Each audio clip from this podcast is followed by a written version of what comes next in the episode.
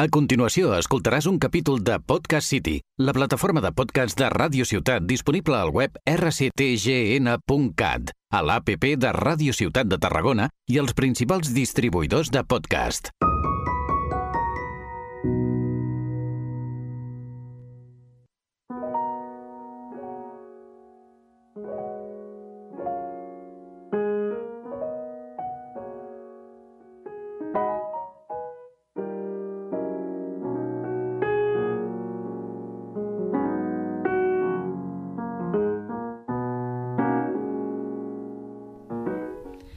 Benvinguts al podcast de Filosofia de Vida Diària, el podcast on cadascú pot demostrar com afronta la vida, quina filosofia té en el seu dia a dia. Em presento, em dic Montse i no pretenc res més que parlar una estona amb tu. Què necessites? Aquí estic. Comenta'm el que vulguis. Aquest és el nostre podcast, el podcast de la gent amb inquietuds, amb una filosofia de vida pròpia.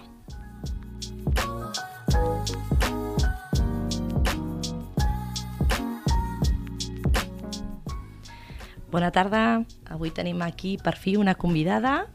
Ens estrenem amb Ivana Martínez. Hola Ivana, què tal? Com estàs? Hola, molt bé, molt bé. Explico una miqueta la teva trajectòria i després parlem de tot una mica plegat, vale? Què et sembla? Perfecte. La Ivana Martínez va néixer al 1984, és diplomada en Relacions Laborals per la Universitat Rovira i Virgili i té un màster de Gestió i Lideratge Polític per la Universitat Autònoma de Barcelona. Militant des dels 18 anys a les Joventuts Socialistes, va forjar la seva carrera política formant part d'elles, arribant a ser la primera secretària de la Federació de les Joventuts Socialistes Catalanes del Camp de Tarragona. Als 28 anys va entrar a formar part del grup municipal del PSC en l'Ajuntament de Tarragona, en aquell moment liderat per Josep Fèlix Ballesteros. Als 29 anys va ser mare per primera vegada i així es va guanyar el títol de la primera dona representant política que, formant part activa del Saló de Plens, havia donat a llum. En total, va estar set anys dedicant-se a la política activa a l'Ajuntament de Tarragona, on va tenir responsabilitat en diferents àrees. Cooperació, joventut, centres cívics, neteja, espai públic, medi ambient... Aquest seria el resum, una miqueta ràpid, de la teva trajectòria política però m'agradaria més que ens centressin també en la, en la teva trajectòria personal. Tu m'ho expliques, vale? tot el que tu vulguis. Perfecte. Que m'agradaria començar preguntant-te com estàs, com et trobes. Doncs com estic? Primer, donar-te les gràcies per convidar-me, és un plaer, estic amb molta pressió perquè ser la primera convidada del teu podcast me crea un vertigen important i a banda d'això, que estic molt contenta d'estar-hi aquí i també d'estar a Radio Ciutat, dir-te que com estic? Doncs estic bé, estic en pau. Jo crec que és clau a la vida, no? A, estar en pau i, i estar en un moment de la teva vida tranquil·la i, i bé, puc dir-te que estic en pau. Sí, em pots dir que estàs bé? Vols dir que avui en dia es pregunta això de com estàs i com vivim aquest moment actual? Bueno, jo crec que es pregunta poc a les persones que tenim al voltant com estàs, com te sents. I sí que és veritat que si ens anem més cap a l'exterior, a mirar més cap en fora, podríem dir que estem en un estat d'alerta continu, no? de veure de ver-les venir, com diuen. Uh -huh. Però sí que es pregunta poc i ens fixem més en el malic d'un mateix que no pas de, de preguntar a la persona estàs bé, necessites algú, aquí tens la meva mà. Molt bé. Uh, parlem una miqueta de la teva trajectòria política. M'agradaria saber què, és, què et va treure de la política. Creus que la gent jove li interessa actualment? Doncs bueno, jo crec que la política està en tot. No és que ho cregui, estic segura que la política ens, ens està sempre al nostre voltant i quin servei fem a la ciutadania si no creus que pots canviar les coses? Va ser la meva clau. Jo crec en un món més just, crec en una justícia social, me crec el discurs d'esquerres, me crec que les coses poden millorar i que la gent necessita anar cap a millor i cap a tindre més drets, bueno, amb una mica tot, no? I va ser el que em va treure a apropar-me a les joventuts socialistes. Arrel d'aquí es van convertir en la meva família, en la meva part de la meva vida, i poder donar aquest pas i dedicar-te a la política activa és que és clau. Jo quan la gent diu és que a mi la política no m'interessa, tens un error perquè la política ho és tot. Tot el que vivim, tot el que respirem, tot el que fem és gràcies o a través o per la política i, i és això el que m'ha fet intentar canviar les coses. I creus que potser als col·legis s'hauria de- d'estudiar una miqueta el tema de la política? Perquè la imatge que donen a la televisió, els telediaris no, no interessen, eh, la gent està per altres temes. Creus que la política es podria fer d'una altra manera que arribés més a la gent? Sí, el que passa que vivim en una societat d'immediatesa, no? I que tothom vol tot per, per ayer. I la política està molt mal vista, per, moltes, moltes vegades amb raó, moltes vegades perquè la gent, quan te va votar, la gent que confia en tu espera que facis unes coses i a vegades no es, no es fan, no es fan bé, no es fan com es pensaven i es decepcionen. Però sí que és important que la gent sàpiga per què serveix la política. Hi ha molta gent que no té ni idea de qui és el president de la Generalitat o perquè no tenen interès. I jo crec que a banda dels col·legis ens haurien de plantejar els polítics, i em fico jo també com a expolítica en actiu, que estem fent malament per no arribar a la gent, perquè la gent ve un debat de Pedro Sánchez i, i Feijó i canvia el canal, no? Exacte. I potser hauríem de plantejar qui, quin és el problema que no arribem a la gent. Què vol la gent jove? Potser ens falta una mica a la pregunta que has fet tu abans, la pregunta què necessites, què necessites de mi, què et puc aportar jo com a polític, política, i donar un cop de mà a la persona. Fer una mica potser més política de carrer, també, no? Totalment. Al final el que vol la gent és ser escoltada. És que és únicament el que volen, ser escoltada i millorar la seva, la seva vida. Molt bé. I com a mare i persona jove que eres quan vas entrar a l'Ajuntament, què m'expliques de la teva experiència? Que, Bueno. Quines conclusions podries treure? La meva experiència a l'Ajuntament de Tarragona va ser brutal, va ser un moment de la meva vida molt complicat, bueno, molt complicat a nivell personal, com tu bé has dit, vaig mare per primera vegada, i va ser un terratrèmol a nivell personal. I, bueno, que i va ser molt complicat perquè la conciliació no existeix. Ni a la política, ni a les empreses privades, a cap puesto existeix la conciliació. Llavors va ser un moment molt difícil on jo tenia que gestionar la meva vida laboral, la meva vida política i la meva vida personal amb una responsabilitat com és un fill i a més el primer fill perquè després durant el sisè any que vaig estar, el segon mandat, vaig tornar a ser mare i tot va ser molt més fàcil, m'ho vaig prendre també tot d'una manera diferent. Uh, com abans dèiem, la política no està preparada encara per arribar a tothom i la política no està preparada perquè les dones puguem tenir càrrecs de, de responsabilitat amb fills petits. La maternitat i la política sembla una mica incompatible, no? Totalment incompatible, per això no estic a l'Ajuntament ara. I estàs contenta de la teva decisió?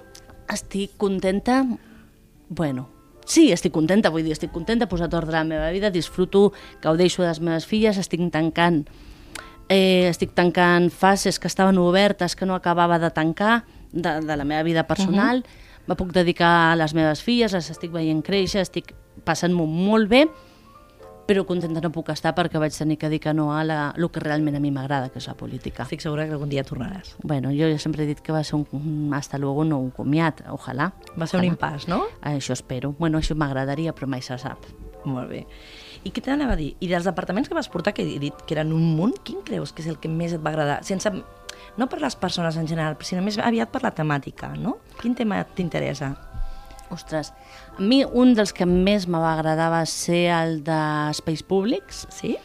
A banda, òbviament, ho, i ho vull deixar aquí, a tots els departaments de l'Ajuntament de Tarragona tenen un personal fabulós. Podria començar per Centre Cívic Joventut Cooperació, bueno, fabulós, medi ambient, tots, neteja, hi ha unes persones magnífiques treballant a pesar de, de la fama que té el departament, però espai públic era el que a mi me permetia fer política més propera. Era el que em permetia poder anar a veure el veí de Bonavista, que m'expliqués que la vorera estava malament, i jo enviar la, a la brigada i llavors aquesta petita política, la micropolítica es feia realitat i per mi era molt satisfactori veure aquell senyor que el dia següent quan te tornava a veure t'ha donat una abraçada perquè li havien arreglat la vorera. Això era molt, molt agradable i va ser de les coses que quan vam pactar amb el PP vaig portar pitjor, que, que, no, que me la traguessin. Jo et conec i pensava, amb això pensava, perquè jo sé que a tota la gent t'agrada i t'agrada molt la gent gran, però pensava que cooperació també t'havia omplert molt. Ets una persona amb un sentit de la justícia molt alt i sé que ajudar els altres és part de la teva, de la teva filosofia de vida, com comento jo. Gràcies. Doncs sí, és que tots tenen coses, vull dir, cooperació, centres cívics, podeu obrir el centre cívic de, de, de, de Llevant, a Montnàs, tot, tot el que és, té relació amb tenir persones, amb poder ajudar-les. Cooperació va ser molt una de les que més me va marcar, sobretot per al tema del moment de, dels refugiats a Síria. Uh -huh. Vam ser de les primeres ciutats a Tarragona que va acceptar refugiats i jo quan me trucava a Creu Roja i va anar, mira, portem una família a Síria, tal, ostres, poder ajudar aquesta família personalment, que poguessin els nens anar al col·le i tal, te dona una satisfacció per això dic que tot és política, no? perquè des de fins i tot que un nen pugui anar al col·le és uh -huh. política. Llavors, aquesta és la política que a mi m'ha agradat sempre, no? política mm, propera a la real en la que pots ajudar la gent i que a Tarragona més es pot fer fàcilment, jo penso, perquè no és una gran ciutat i podem fer una política que arribi al veí, és el que tu dius, no ens coneixem tots al final, això és un poble molt gran, però és un poble, i, i, i dins d'això jo crec que no hem, no hem de fer política de despatx perquè no serveix de res. Total, a vegades jo sempre poso aquest exemple i, i, i ara també ho dic, no? perquè encara que no estic a la política activa com a tal, m'ho plantejo, penso, si jo em dic Maria, visc a un carrer de la granja, m'importa mucho lo que, això que estem discutint al saló de plens, no? Uh mhm. -huh. No ens hauríem de preocupar si aquesta senyora té el contenidor soterrat, li han tret ja, o el banc que li agrada a ella prendre el sol a la tarda està net. Jo crec, òbviament, s'han de tenir grans reptes com a ciutat, perquè hem d'aconseguir ser un, la segona gran ciutat de, de Catalunya i deixar de ser la ciutat oblidada, però sí que és veritat que hem de pensar en petit perquè és una ciutat que et demana pensar en petit en micropolítiques. Òbviament no hem de pensar mai en petits, sinó només en micropolítiques. Molt bé. T'anem a comentar, en una entrevista de, quan acabes de ser mare, comentaves que no ets una superwoman i perquè ho intentes com, ho intentaves compatibilitzar tot el millor possible, però no, no, era, no era fàcil. Creus que ara mateix pots? O seguim amb el mite del superwoman? Bueno, és que tenim aquest Superwoman, a, a, aquest mite de Superwoman, que a més ens ho han venut i ens ho hem cregut les dones. Primer, les primeres, no em vull culpar perquè no aguantaré culpa en les mateixes dones, però ens hem cregut que podem amb tot, jo tiro per adelante, me pongo una mochila, vamos a ello, però no, és mentida, hem de reconèixer jo ho vaig reconèixer i va arribar un punt que un dia, a més va ser clau per mi, portar la nena al col·le, sortir del col·le i no ser conscient si l'havia deixat a classe. Vaig tenir que tornar enrere perquè el meu cap estava en altres coses que en, en ocupar-me de ma filla en aquell moment. Ens han venut que les dones podem amb tot, ens han venut que mm, arribarem on volem i això és una mentida. Clar. No arribarem on volem, sinó arribarem on puguem i on ens deixin, desgraciadament, perquè encara hi ha uns sostres de vidre molt grans sobre els nostres caps. Que hem millorat molt amb, contra altres generacions? Sí, però que continuem lluitant per arribar a algun puesto, això és, i el que hem de fer és les noves generacions dir-los mira, cariño, no vas a poder hacer todo lo que quieras, perquè no és veritat, perquè després te frustraràs, sí. que és el que ens ha passat molt a totes, no? Ets mare, te frustres perquè no llegas a todo. No, pero tienes que intentarlo, pero que sepas Clar. que no lo vas a conseguir todo. Però jo crec que, a banda de les dones, que jo crec que la pressió és molt més forta, també hi ha molta filosofia ara i molta frase positiva, malentesa, de que sí que podem amb tot, no? És allò de, si ho vols, ho aconsegueixes. No, jo puc voler tocar el piano i ser un inútil. I per moltes classes que, re que rebi, a lo millor mai soc, soc una virtuosa del piano, no? Mm. O mai puc córrer una carrera perquè no em donen de mi les meves cames per què ens venen aquestes idees? Per què creus que, que tenim aquesta filosofia de tot ho puc aconseguir, no? Bueno, perquè jo crec que ens hem ficat en aquest món, no? Mm. Aquest món guai, aquest món que tot arribarem, que tot ho podrem fer, i no, no ens han d'enganyar. No arribarem a tot farem el que puguem. Clar. Vale? Sí que és veritat que el missatge que hem de fer és jo intentaré al màxim, jo faré el que pugui a tope, però he de ser molt conscient que no, perquè hi ha unes barreres socials, sobretot a les dones, mm que no són així. Llavors, bueno, que ho sàpigues, filla, mm, germana, mare, ho intentarem, però no ens deixaran, perquè queda molta feina encara per fer perquè és realment arribi la igualtat. És molt frustrant, eh? Mm -hmm. És molt mhm. frustrant. Jo, com a mare, també ho comparteixo amb tu, ja ho saps. Eh, jo recordo, ara ja no, perquè els meus fills ja són més grans, de tenir la sensació d'intentar-ho tot i no arribar a res. De no fer res bé, és a dir, no feia bé la feina, no feia bé, no era bona mare, no era bona esposa, no era bona companya, no era bona amiga, no era bona germana, no estava per ningú i estava en tot. Uh mhm. -huh. No em donava la vida i quan me n'anava a dormir tenia la sensació de que m'havia deixat tantes coses per fer Sí. Ve a ser, ser gallina sin cabeza, no? un pollo sin cabeza. Sí, totalment. és aquesta frase. I a mi me va passar molt quan jo vaig estar a l'Ajuntament. Era aquesta sensació de tocar totes les tecles i no tocar ni una.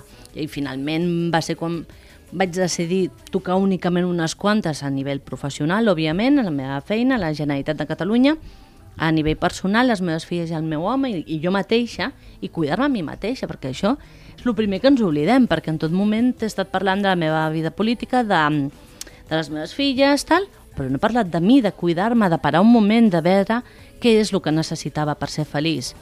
I al final, quan te planteges, t'adones compte que t'has deixat per la última, que no, no, no et dones un peu bé, te planteges, penses i quan renuncies, i arriba l'estima de renúncia, que és el que ens toca, renunciar. Segur que hi ha homes que es poden estar escoltant-nos i dir, oh, escolta'm, jo també vaig renunciar. Òbviament que això també hi ha homes que els hi passen, però el gran percentatge són de dones. Sí. Ho sento, però... La gran majoria, la gran majoria. Aquestes, la gran majoria són les dones. Només cal veure les fotos de les grans, no? dels directius, Sí. dels polítics, de... el 90% són homes.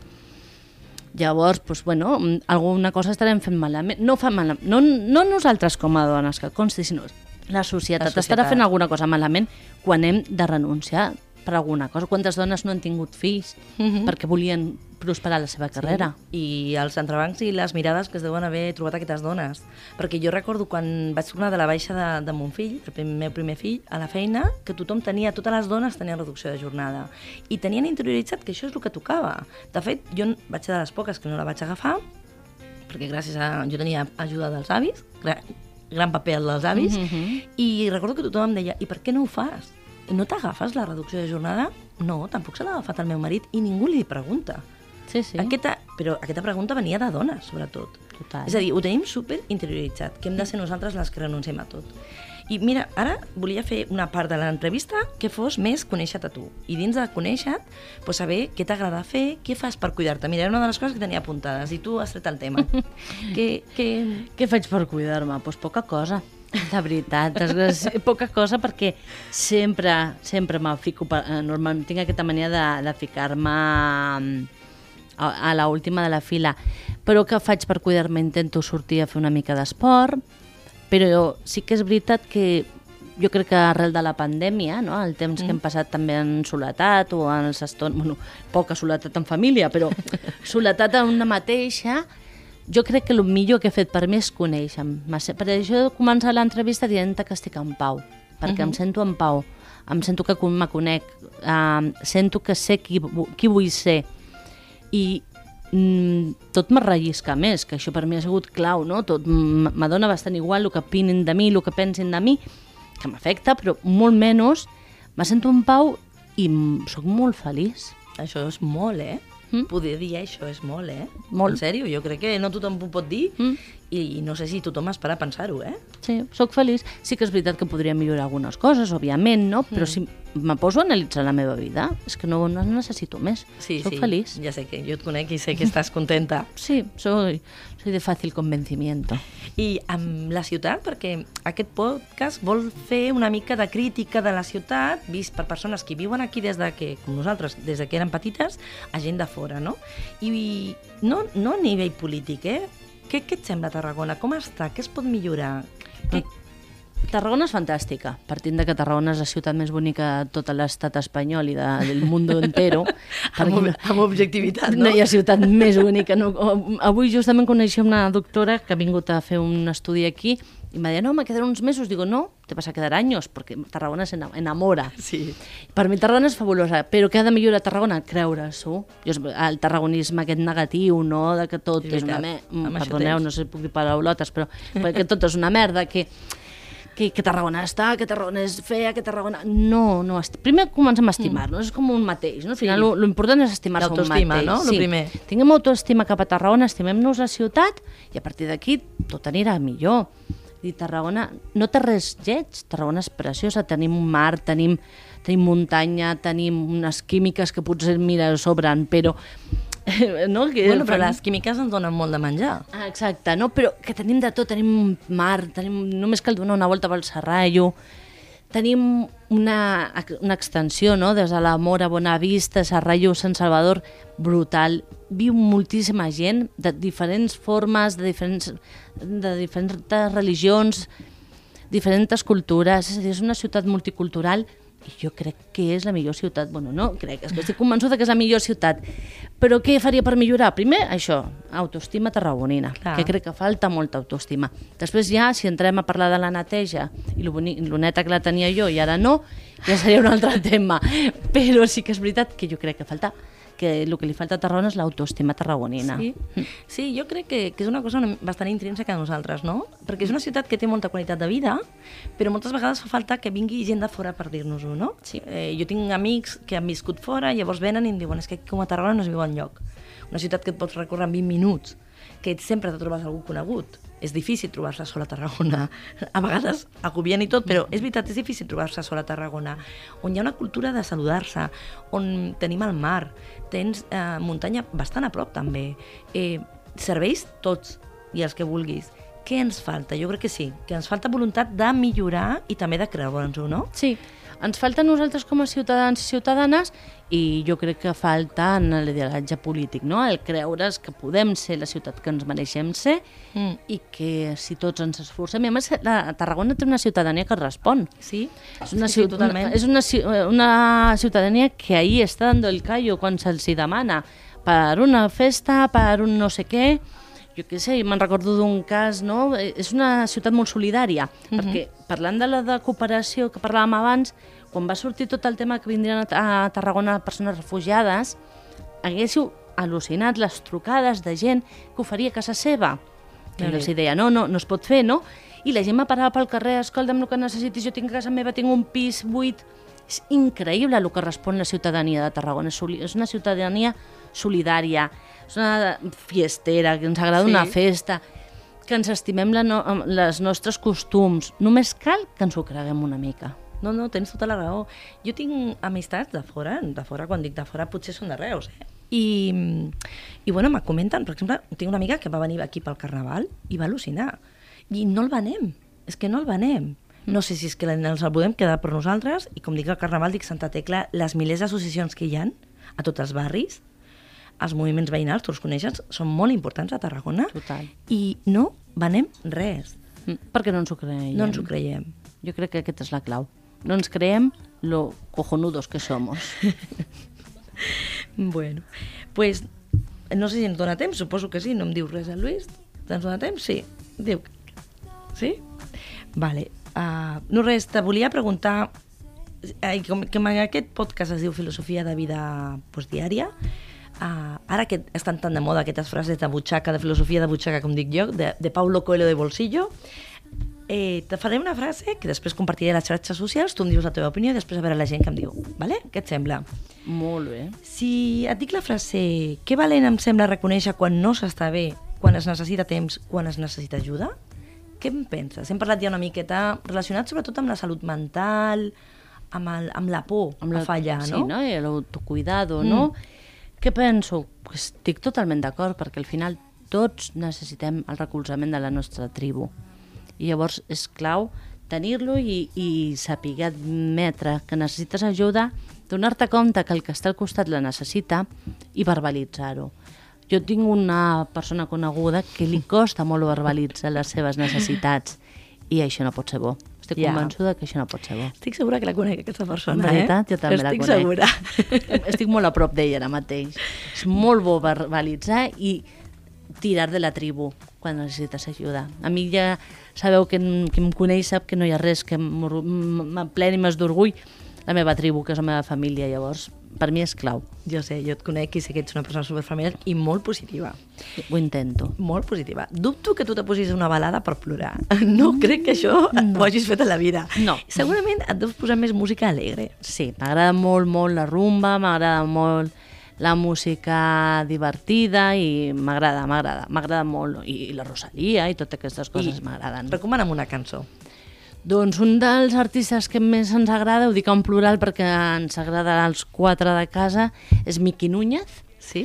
Més que em sembla guapíssim, és molt jove per mi, però m'encanta Miqui Núñez, és el bigotillo, i una de les cançons que més m'agrada és Me Vale. Fins i tot ara que s'ha posat d'arròs. Jo se lo perdono todo. Miqui, vine un dia a veure'ns. pues molt agraïda, Joana, per la teva companyia. Ha sigut una entrevista super um, gustosa, Gràcies. ràpida, ha passat molt ràpid. I no res, ens acomiadem fins al proper podcast. I jo fins que me convidis una Quan altra vulguis, vegada. quan vulguis. Gràcies. Amb Miqui Núñez i la cançó Me Vale, no? Exacte. Molt bé, gràcies a tots per escoltar-nos. Fins la propera.